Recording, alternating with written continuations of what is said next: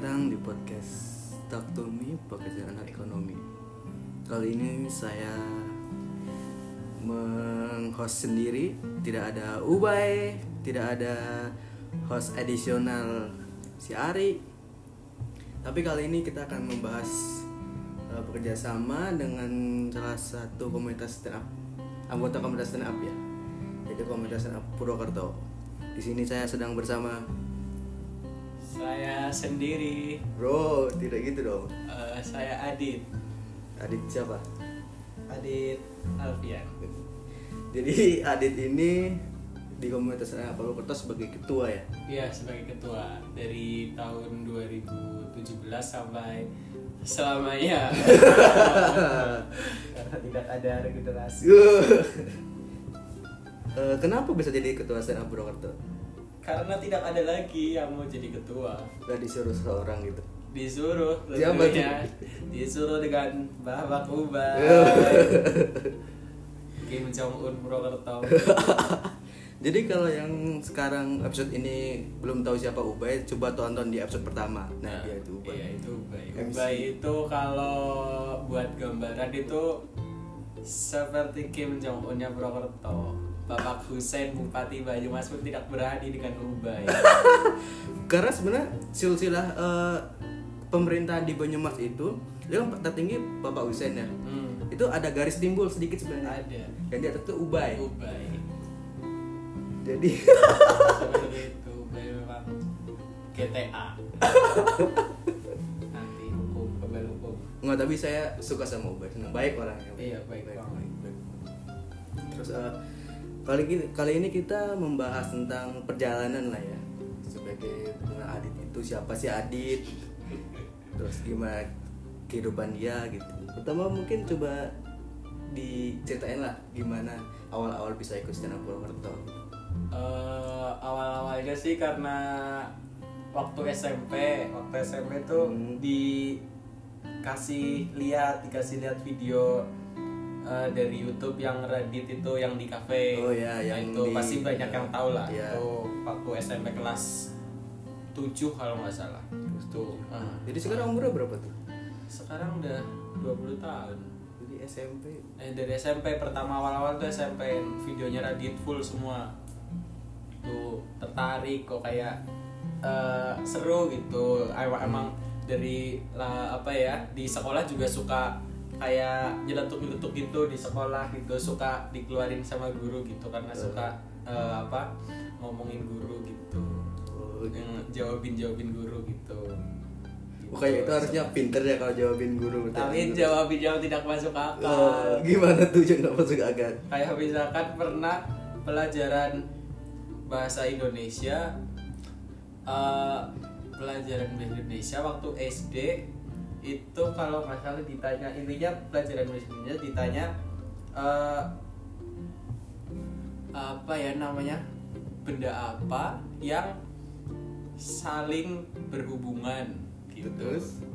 aku jawabnya garpu dan penggaris gitu. Intinya aneh lah nggak masuk akal absurd gitu. Tapi satu kelas ketawa tapi kan gurunya kan kesel gitu kan. Intinya bi- suka bikin kesel guru gitu. Eh, gitu Ih, pantes sih dikeluarin.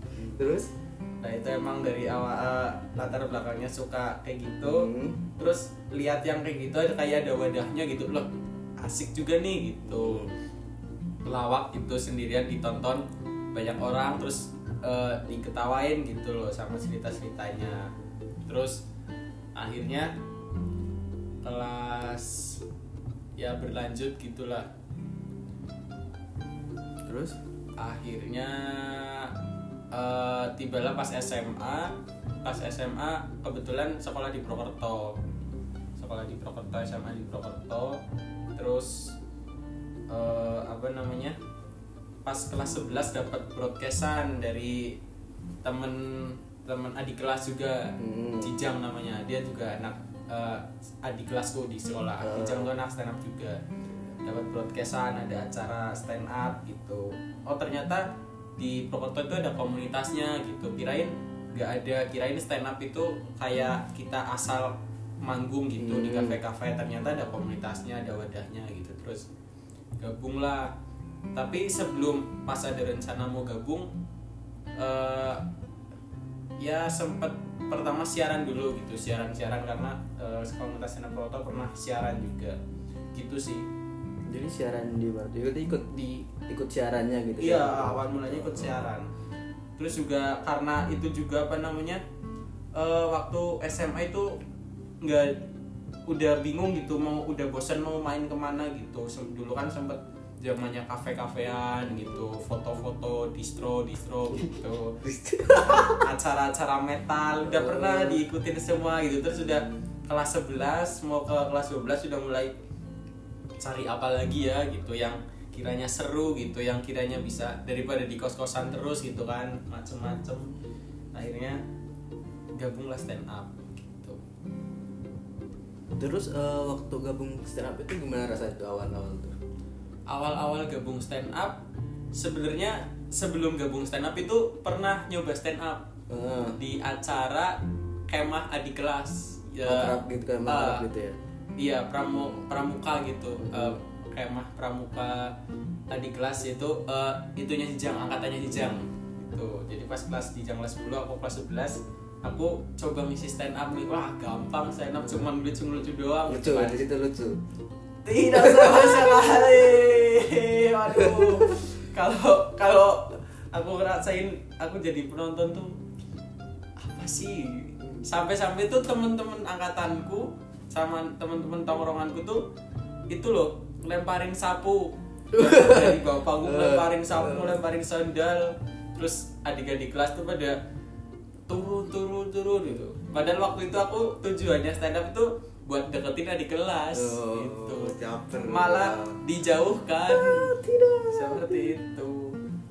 Terus eh, gimana tuh pas eh, waktu gabung komunitas? nah Jadi- itu sempet juga alah ternyata ternyata susah gitu. Tapi Hmm. masih penasaran gitu masih penasaran gimana rasanya latihan. Akhirnya ya pertama open mic di cafe ya pertama nggak lucu emang emang fasenya tuh emang ada urutannya gitu nggak nggak langsung lucu gitu. Karena nggak tahu nggak tahu apa namanya teorinya segala macem itu sampai sekitar lima bulan lah itu setiap minggu tuh selalu ngebom gitu lima bulan enam bulan gitu. Akhirnya dapat dapat kepercayaan sama Ubay waktu itu juga jadi ketua terus suruh ngejob itu di alun-alun. Eh iya. Ngejob di alun-alun. Eh tapi sebelumnya tuh ngejob di di kampus. Oh, di di kampus. kampus. Salah satu kampus Purwokerto itu Bentar, Terus- ini kalau yang pendengar yang kalau nggak tahu ngebom nge- artinya ngebom itu ngebom itu artinya nggak lucu itu tidak lucu. Nggak lucu dan hening gitu Hening. kayak suara angin tuh Ya, ya sampai sampai sampai sam- sampai saking heningnya tuh suara detak jantung pun terdengar. Aliran darah vena pun terdengar suara detak jatuh daripada beat sendiri Ah, gitu ya ah. itu katanya ngebom terus gimana tuh tadi se ngejob itu itu pak waktu ngejob pertama itu pun karena dikasih itulah kayak misalkan nih stand up ditawarin satu jam Hmm.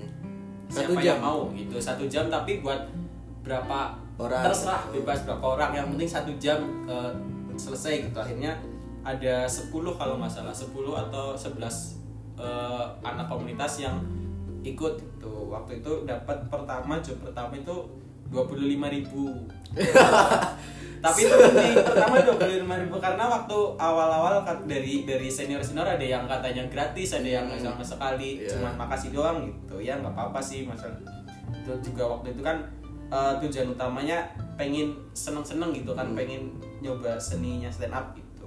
Terus waktu itu lumayan lumayan rada lah gitu rada lucu akhirnya dapat kepercayaan lagi ngisi di alun-alun itu.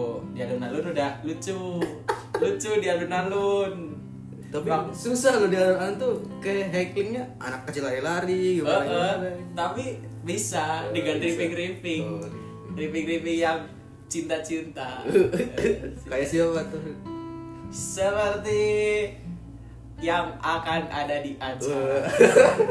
Jadi kita muncul iklan ya abis ini.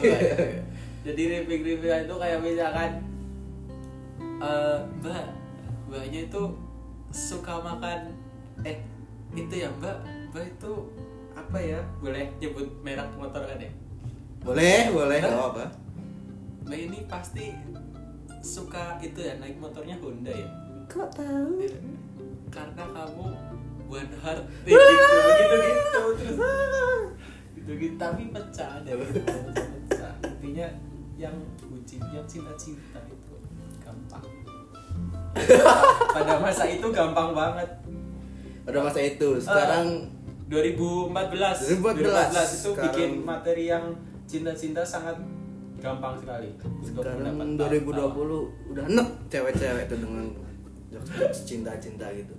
Fuckboy wardrobe fuckboy jadi itu eh, bayaran pertama Adit sebagai stand up komedian itu 25.000 ribu. Ah 25.000 tapi itu habis itu cuman nasi kotak. Ya Hmm. dapat nasi kotak Hmm. dapat eh ya sih kebanyakan nasi kotak sih. Nasi kotak gitu gitu. Gak masalah sih waktu itu. Terus kalau sekarang dibayar nasi kotak? Eh, tidak masalah. Juga tapi saya stand up cuma assalamualaikum. Dan eh, kali ini mungkin juga bingung ya eh, kenapa dari awal cuma bahas-bahas tentang komunitas stand up gitu. Eh, sebenarnya juga kisah ini yang mau diangkat nih itu adalah kisah di balik Adit ikut ikut terjun ke komunitas stand up. Iya. Eh, karena saya eh, lihat Adit stand up itu sering bawa materi tentang broken home. Hmm. Itu beneran gak sih broken home-nya atau cuma dibuat-buat demi lucu gitu? demi uang jadi beneran sih. Oh, beneran. orang tua saya cerai Hmm. demi saya stand up. Biar saya ada materi. Ah besok saya gitu. Ah Ya, visioner orang tua saya visioner. Enggak jadi emang iya orang tua saya itu cerai waktu saya masih umur ya sekitar empat tahun lah gitu sebelum sebelum masuk TK gitu. Hmm.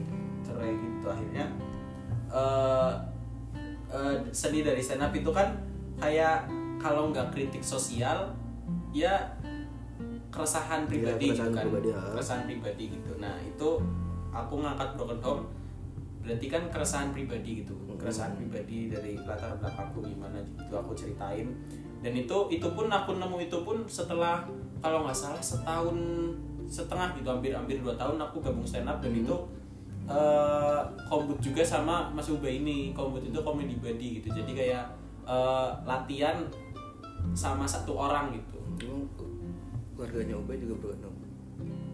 hampir Oh, oh saya nggak tahu. Nggak, saya nanya.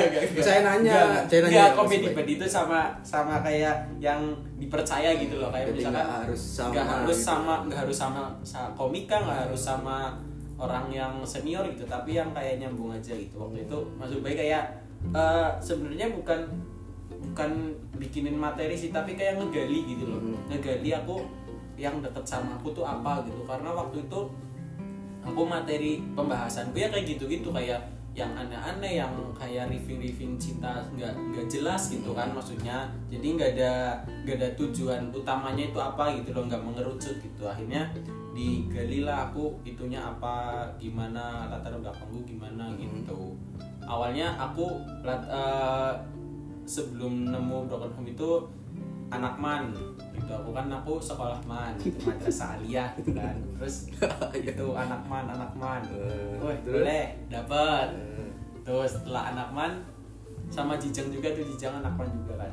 11 12 lah materi sama jijang terus habis itu digali lagi eh, selang beberapa lama digali lagi ternyata bisa nih nemu broken home. Gitu dapat celahnya broken home terus juga itu pun setelah aku kayak berdamai sama diri sendiri gitu loh. jadi walaupun ada ada kayak masalah ada masalah yang kayak lucu gitu buat dibahas tapi kalau misalkan eh, si orang ini atau komika ini belum berdamai sama masalah itu sendiri pun susah gitu buat dibahas ya, buat diangkat jadi materi gitu. Itu dari dari aku sendiri sih gitu.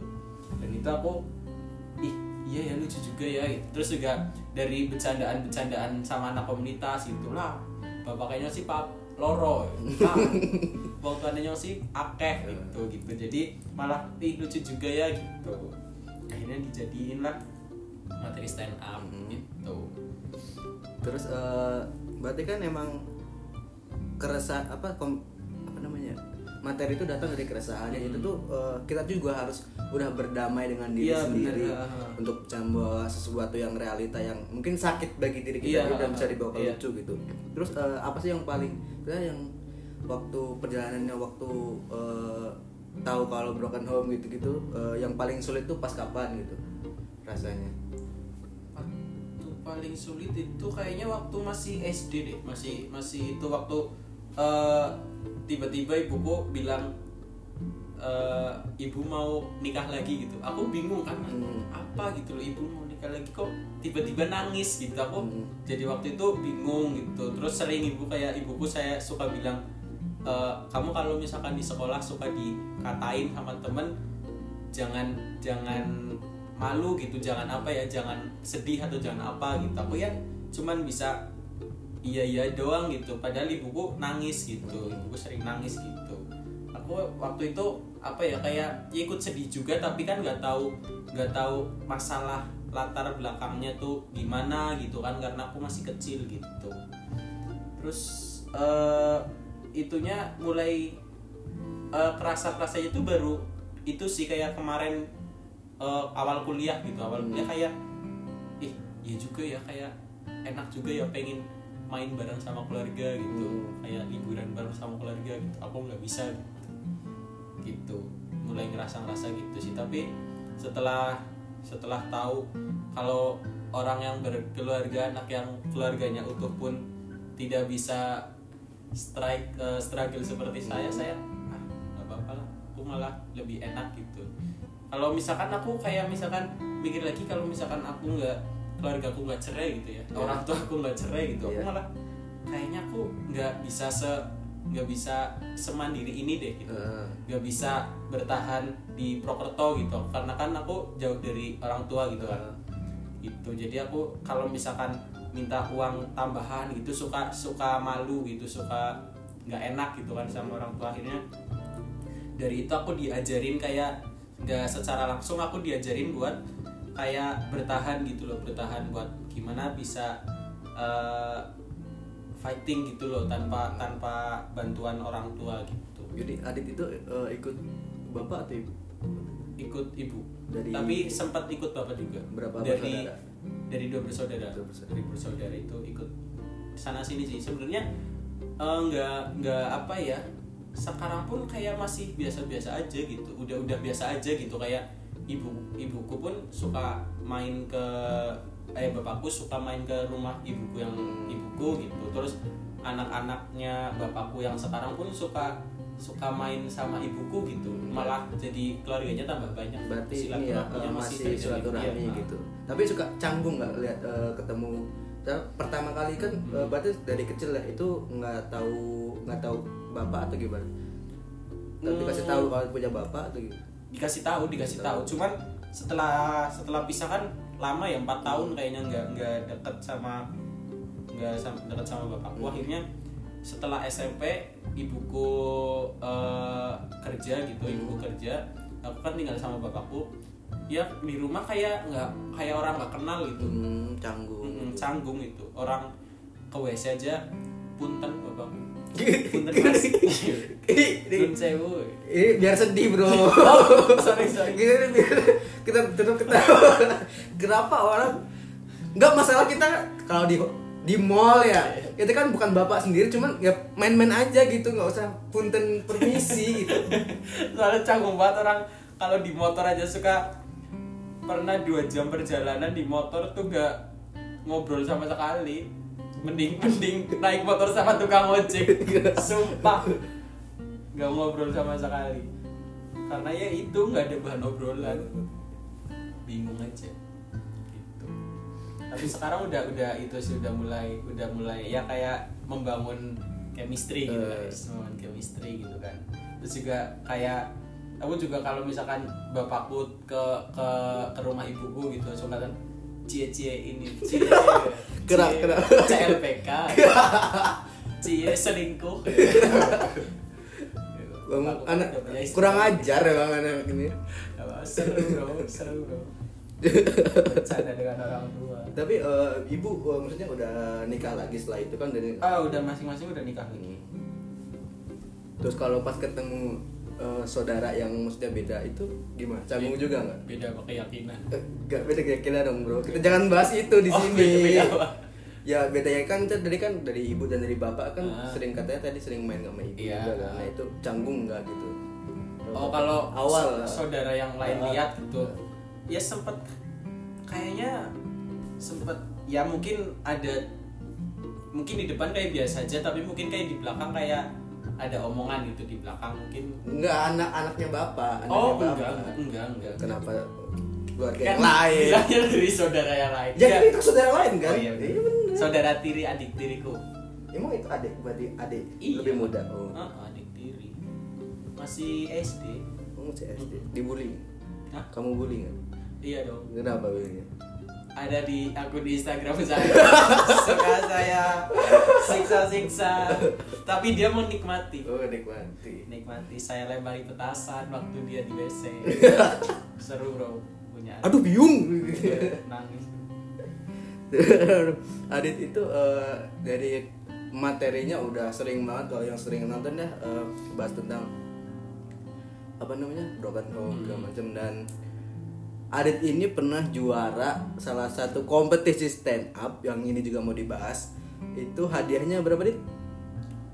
Eh, banyak kok Banyak lah. itu berapa? Kan bisa dijelasin ya cukup buat kehidupan di sehari-hari sehari-hari. Iya.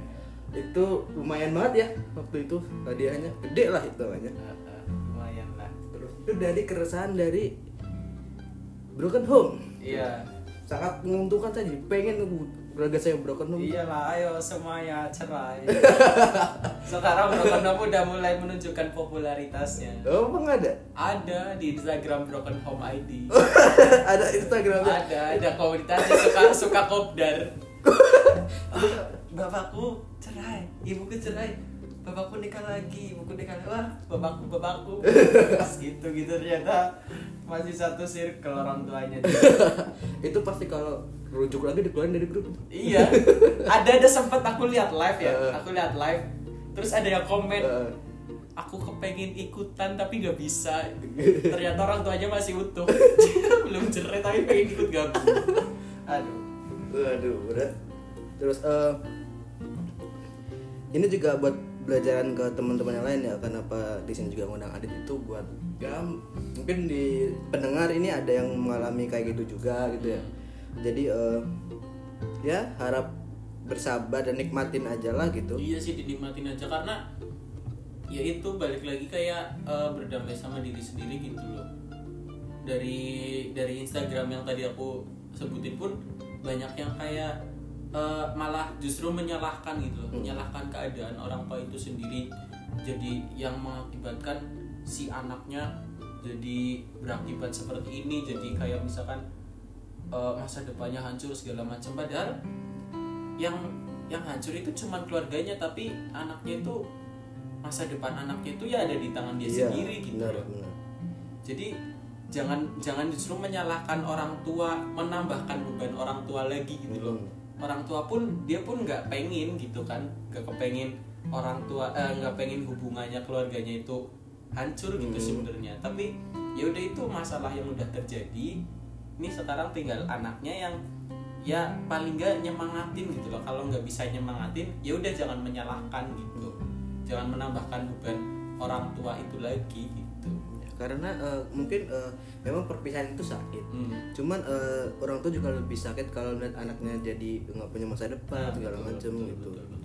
Itu itu pun waktu aku menang itu pun eh, orang tua aku tuh kayak bangga gitu loh. Hmm. Padahal di materi stand up itu waktu aku final di Jakarta itu eh, aku banyak kayak nyindir gitu, nyindir orang tuaku Hmm. gitu. Kayak ibaratnya bisa di ka- ka- eh, bahasa kasarnya kayak ngata-ngatain gitu ngejek orang tuaku justru orang tuaku malah seneng gitu loh aku Eh, sedih nangis nangis bahagia, Bahagia. gitu. Eh, eh.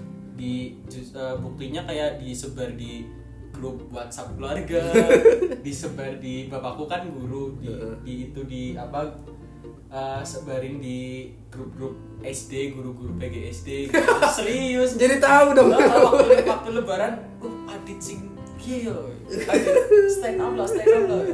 Waktu lebaran suruh stand up. Mending takbiran. Itu kayak gitu ya. Itu kan ber- eh, bukti dari salah satu bukti bahwa orang tua aku itu ikut ikut bangga gitu. Hmm. Gitu. Jadi nggak usah menambah beban lagi gitu. Kalau misalkan kalau misalkan kamu eh, kalau misalkan si anak itu hancur karena eh, orang tuh dengan alasan orang tuanya yang dari latar belakang orang tua yang broken home gitu Hmm. orang tua yang cerai ya udah jangan jangan menyalahkan orang tuanya itu salah kamu sendiri gitu Kal- kalau dari aku loh ya Hmm. karena aku eh, mengalami aku udah mengalami itu dan aku nggak pernah menyalahkan orang tuaku justru aku malah kayak ya udahlah itu udah kejadian mau gimana lagi ya kan Iya. Kan yang perlu dilihat itu masa depan kita. ya kan? Hmm. Bisa di- lagian udah udah gede juga aku bisa nentuin masa depanku sendiri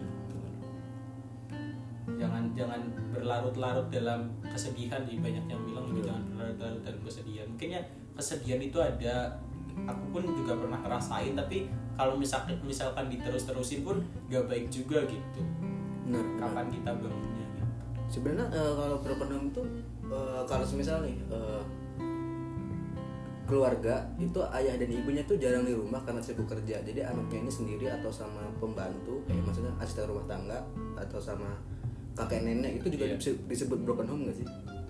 Menurutmu? eh bisa di bisa dibilang begitu ya Hmm. karena yang broken home karena kayak orang yang eh, temenku yang latar belakangnya bukan dari keluarga broken home dalam artian bu- orang tuanya belum cerai pun Hmm. ya suka cerita orang tuaku nggak nggak suka berantem lah Hmm. orang tuaku nggak pernah perhatian sama aku lah Hmm. gitu segala macam lah sama aja malah mending aku gitu loh Hmm. malah masih mending aku gitu bisa dijadiin materi stand up itu kan Iya. nanggung kayak gitu malah nanggung mending suruh cerai sekali ya Itu ibu saya sebenarnya. Gak sejujur nggak itu eh, saya tuh gitu eh, ibu ibu saya kerja dari dulu Ah. tuh eh, saya tuh kan kecil sama nenek Ah. sama kakek nenek karena rumahnya sebelahan Iya. terus eh, ibu saya tuh kerja pabrik lah ya Hmm. ini apa berangkat itu jam setengah enam saya belum bangun pulang kadang Iya, lembur malam saya belum apa saya udah tidur gitu udah sama gitu sampai iya sampai malam Mm-mm, sama bu ibu Iya. bapak Ya orang tuaku pun dulu kayak gitu. Jadi orang tuaku pak di pasar, eh bapak ibuku di pasar di kota, terus bapakku eh, nga- ngajar di SD gitu. Kalau dulu kan SD kan penempatan gitu, gitu. Pas sudah awal-awal jadi penempatan jauh gitu. Pulangnya malam sore gitu. Ya jadi, sama. ya, jadi saya tuh menganggap apa nenek saya ini sebagai ibu malah Hmm. Serius, eh, waktu Iya. SMP itu saya baru nenek saya meninggal tuh oh, saya itu bukan itu bukan ibu saya Iya. gitu sampai sekarang saya juga nggak deket sama orang tua gitu Hmm. walaupun ya mungkin dibiayain kuliah Iya paling kalau biayain kuliah, biayain pendidikan sih itu wajib sih. dan saya juga pengen gitu kan kita lihat eh, apa keluarga yang utuh Ah, bahagia ah, ah, ah. jalan-jalan iya Gitu benar kan. Pengen rasain bisa, juga gitu, kayak bisa gitu. tapi itu sih kekurangannya cuma di situ sih mau nyalahin mereka yang update ya nggak bisa juga ada keluarga-keluarga mereka gitu kan iya makanya kerja pun buat ya buat anak ya. Mm-mm. saya mau ikut komunitas home juga nggak bisa tanggung ya tanggung nih cerai sekalian aja lah besok ntar saya telepon seru terus ya terus eh, komunitas dari komunitas stand up tuh Adit eh, bisa itunya udah bisa berdamai sehingga bisa menghasilkan ya, Ya, penghasilan sendiri lah ya. lumayan lah ya buat buat Nah, itu mah lumayan banget jadiannya. Iya. bisa buat beli motor. Ya waduh. Dua lagi ya. Motorola. Terus eh, sekarang Adit sibuk ngapain itu sekarang sibuk ya itu tuh ngu- ngurusin ya bisa dibilang jadi ketua stand up Eh. bisa ya kayak eh, ya namanya ketua lah kayak ngurus ngurus komunitas gitu loh bukan ngurus anak-anaknya bukan kalau anak-anaknya mah eh, sekarang karena belum ada regenerasi jadi eh, anak-anak komunitas sekarang pun udah yang satu angkatan sama aku gitu. Hmm. jadi paling kayak koordinasi doang gitu kalau misalkan mau ada acara disampaikan nih mau koordinasi aku cuman koordinasiin tanggal segini segini eh, kamu aku minta tolong kamu suruh kerja ini segala macam gitu sih itu sama apa lagi ya ya pakai kesibukan anda dong sibukan Nah, kuliah sih nanya? paling. kuliah sama ngedit ngedit tidak jelas Gitu. ngedit ngedit tidak jelas Oh yang Adit ini eh, kuliah di salah satu universitas swasta nah, di swasta Purwokerto. di Purwokerto Tapi bisa maksud ma- Mbak masuk podcast ekonomi. Bisa. Bisa karena broken home. karena broken home itu padahal dulu aku juga pengen masuk unsur bener. berapa kali ya? lima kali kayaknya daftar unsur Lima Eh, unsur? dari eh apa SNM SBM ujian Mandiri. mandiri, non tulis Eh. ujian tulis terus sama waktu aku udah kuliah aku SBM lagi SBM lagi. ditolak semua Mau itu ngambil jurusan apa jurusan sastra Inggris Sastra Inggris. Inggris itu sama sekali. Karena itu kebalikan dengan satruk sebenarnya. Satruk malah udah Satruk dua kali dapat nim unsur. gila emang satu kita aku tadi dengerin. Asem. Nyong nyong siput udah mati matian gitu loh. Sampai sampai kerja part time gitu buat buat bisa ayo aku harus bisa kuliah dengan uangku sendiri. Eh. ternyata ditolak unsur tapi nggak apa-apa dapat job dari unsur banyak. Pakai nim satruk aja. Oh bisa ya Mungkin kayaknya masih bisa. bisa ya masih ya Bisa. paling nggak buat wifi lah ya Iya. wifi unsur Dan eh, di kuliah itu juga banyak kan pakai biaya sendiri ya dari stand up gitu ya. eh kalau buat kuliah sih aku aku sih prinsipnya itu kayak tadi kalau orang tua itu wajibnya kewajiban orang tua itu mendidik apa ya biayain pendidikan anak Hmm, biayain gitu. pendidikan anak gitu kalau itu jadi itu aku aku mau nggak mau harus minta gitu Hmm.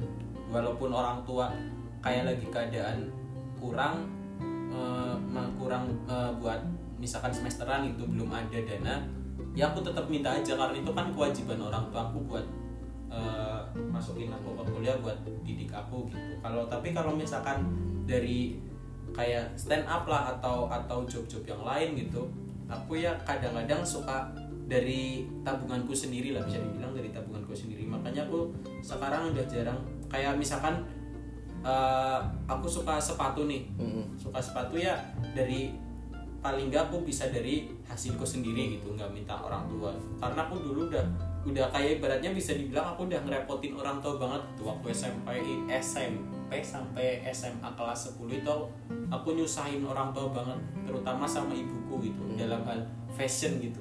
Yang tadi aku bilang distro distroan gitu kan. Itu aku sampai sampai beli kaos impor dari Inggris gitu. Bro, satu kaos itu hampir satu juta gitu-gitu SMP udahan buat apa? Masih ada kaosnya sekarang? Hah? Masih ada? enggak dijual udah udah kekecilan lah COD ya? iya itu kayak mundut Mustafa gitu gitu aku pernah ngalamin hal itu Oh, memang kurang ajar. seru Jadi eh, intinya untuk masalah biaya pendidikan tetap Ah, kalau prinsipku gitu kalau prinsipku ya di luar itu ya pribadi gitu untuk Ah, ah. Untuk informasi aja sepatu yang itu fans Slytherin loh Harry Potter memang. Gak gitu. Dia beli sendiri itu mu- gitu. itu murah tetep aja Slytherin saya juga pengen. Ya udah dijual aja. Aku lagi butuh duit bro. Mumpung. Siapa tahu ada yang minat. Kenapa jadi jual? Saya jualan sepatu menerima jasa edit video. Desain grafis stand up MC semua job saya terima. Dan eh, itu ya maksudnya eh, sibukannya berarti sekarang di luar itu tadi ya eh, ngedit-ngedit video untuk kuliah. Iya gitu sih. Itu. Terus eh, bakal ada acara apa nih yang di komunitas Tera Prokerto yang terdekat? Hmm, roasting Wiranagara Hmm. yang tadi saya sebutkan Eh, jadi kenapa saya ada di lab unsur ini? Hmm. ya semata-mata ya kan untuk menjilat tuh. Tidak dong. Tidak tidak. Jilat apa tuh? Menjilat es krim. Jadi tujuannya ya itu buat apa namanya jadi tanggal 13 itu komunitas stand up comedy Purwokerto ada kerjasama sama lab Lab multimedia. Multimedia kreatif. Kreatif. FEB untuk FEB Unsud. Buat bikin acara bertajuk eh Sun atau Stand Up Night 5 Purwokerto. Purwokerto dengan bertajuk Bus by Boss Bus by Boss Tuh gimana tuh acaranya tuh? itu konsep acaranya itu spesial roasting Wira Wira Nagara Wira karena. Wira Nagara itu eh, berasal dari komunitas stand up comedy Purwokerto gitu kan. Jadi senior juga terus kayak mem- membawa nama stand up comedy Purwokerto gitu lah ke nasional gitu. Pernah masuk TV juga terus banyak di TV gitu lah. Akhirnya balik ke sini kayak roasting buat roasting si Wira ini gitu. Kayak ya buat seru-seruan gitu sama ada bintang tamu juga. Nanti bakal ada roasting dari anak-anak stand up ada opener dari anak stand up juga stand up Purwokerto terus ada guest starnya itu Mukti Entut dari Yogyakarta Hmm. Suca 3 kalau nggak salah. Tiga, sudah tiga. Suca 3 sama Indra Jegel. Indra Jegel itu juara satu Suci 6 Suci enam, Suci Kompas 6, TV. Kompas TV tuh yang main film sama Raditya Dika seperti itu Filmnya apa tuh? single Emang single? eh bukan ya Emang single. Ya kita telepon Indra aja lah. single pak single satu kalau nggak salah eh bukan ya Uh, The Guys The Guys, The Guys. ah iya The Guys ah, yang cuman kalah sama Ernest. oh ya iya, penontonnya kalah sama Ernest. oh iya yang penontonnya kalah sama Ernest ya. betul tapi seru Kok Ernest kalau denger ya, Wah, tidak mau saya nulis cerita kok udah kirim ke email Ko Ernest siapa tahu kan tidak Ko Ernest. didengar oleh Ko Ernest kalau. Panji bisa Oh iya. Bang Panji saya Panji petualang ah, dia ular. iya Pokoknya saya Ko Ernest saya udah ngirim cerita ke email Ko Ernest lah. bermimpi lah apa sih siapa tahu ya iya, siapa tahu kan eh, Ah, ah. harus Prakasa lagi gabut kan. Betul, betul. Podcast wah me. Apa nih me nih? Talk Kan- to me Talk to me. Oh seru sekali Ya kan di Iya. cover di pertama lu kan ada Ubay. Oh iya benar benar Ubay itu sama Ernest kan udah ah, Oh iya banget benar gitu loh. Ubay itu sama orang se Indonesia semua dikenal lah Karena Ubay itu mah ada The Great Project ya. waduh Sama Ernest ya, yang apa tuh di Ya. Project apa bro? Ih, Project apa bro? Saya tidak tahu Oh ini gak ini sialan emang nih anak nggak bisa diajak tektokan kata di awal. Nanti Oh, kita iya. bahas ubay nanti kita oh bahas ya ubay. Musik musik ya? Musik. musik. Ada ada project musik dengan Ko Enes. Kalau nggak salah musik religi. Maaf kok Ernest. Saya nggak ikut ikutan. Karena ubay itu eh, salah satu manajer dari Wiranagara Hmm. dan eh, Zawin ya. Dan satu lagi? Saya. Oh iya anda juga. Yang Adit. tidak aku saya tuh gabung grupnya bareng Wira bareng bareng Jawi Eh, terus ada lagi nggak? Ada lagi satu Firsa Besari. Oh, besar besar ada saya juga. Saya tuh di grup Nggak muncul saya cuma bacain doang. Saya tuh popularitas popularitas saya di grup WhatsApp itu kalah sama emoticon smile. Aduh. Lebih banyak. ada, ada di grup? Kok saya nggak ada ya? Siapa ada? Bro. anda yang menulis penulis aja. Jadi kan saya ini kan ya saya tahu lah gitu. Tidak pernah saya menerima jadi Adit ini tolong gitu. Nggak ada. Emang keluar aja lah. iya gak apa-apa. Keluar aja. Masih ada cukup Ya terus em, ya itu jangan lupa tanggal 13 Eh, Maret. tanggal 13 Maret tempatnya di Gedung Rudiro FEB Unsud jam 7 malam. Tiketnya sekarang udah masuk presale 2 sampai tanggal 29 Februari. Harganya 75.000 Hmm. Eh, ada presale 300.000 sampai tanggal 12 Maret. Dan ada tiket premium. Tiket premium itu ada tiket prioritas ada kayak foto bareng diprioritasin gitu. Terus ada merchandise juga dapat merchandise dari stand up. Terus ada dapat ya kayak soft drink gitu buat duduknya juga diprioritasin itu VIP gitu. Jadi yang premium itu nanti bakal kayak didahulukan Ah, untuk foto iya. dan dapat merchandise dari Dari stand up. karena kalau yang dari yang sebelum sebelumnya itu kan kayak penontonnya itu 200 lah 250 gitu. Itu jadi diprioritasin dulu aja. Jangan lupa nonton Bus Bebos bus bebas tanggal 13 Maret. tanggal 13 Maret di Gedung Ridho untuk info lanjut bisa hubungi di atau Instagram aja. Instagram di stalking di @standuppurwokerto Dan eh, terakhir mungkin ya? Apa nih? Udah 40 menit nih. Kita rencana kalau misal kita podcast. Iya tadi rencana kalau nang tek misalkan podcastnya cuma 5 menit tok mending gak usah di Serius? Mending dengerin ringtone. Udah ternyata udah Udah 40 menit. menit, Alhamdulillah. Alhamdulillah, alhamdulillah tuh kalian dengar saya nyebut alhamdulillah. Alhamdulillah Eh, terakhir ya eh, ya tadi kan kita udah bahas tentang jalan hidup Adit dari mulai stand up di Hmm. awal terus broken home terus juga ya kenapa di istilah Purwokerto juga Iya itu eh, bisa kasih saran lah paling enggak ke teman-teman yang misal sedang merasakan kegalauan broken home atau sedang ada masalah suatu dalam keluarganya Dia juga pernah Ya salah satu eh, alasan lain gabung enak juga karena masalah cinta Diputusin bro iya cinta itu pahit Cinta itu fuck. Gitulah Iya saran, kenapa Oh, saran? gitu dong? Oh, saran? Iya sarannya gimana gitu? Oh, Biar ya- mereka tuh bisa apa? Jangan terlalu berlebihan Oh gitu. kesedihannya gitu. Sama- Ya kalau saran dari saya sih eh, bersedihlah di awal Hmm. sesedih-sedihnya gitu. Tapi jangan berlarut-larut dalam kesedihan itu gitu. Ada waktunya harus bangkit gitu. Maksudnya ya sedih boleh, tapi jangan terlalu lama. Ya udah klise banget sih ya Hmm. kayak gitu ya. Iya.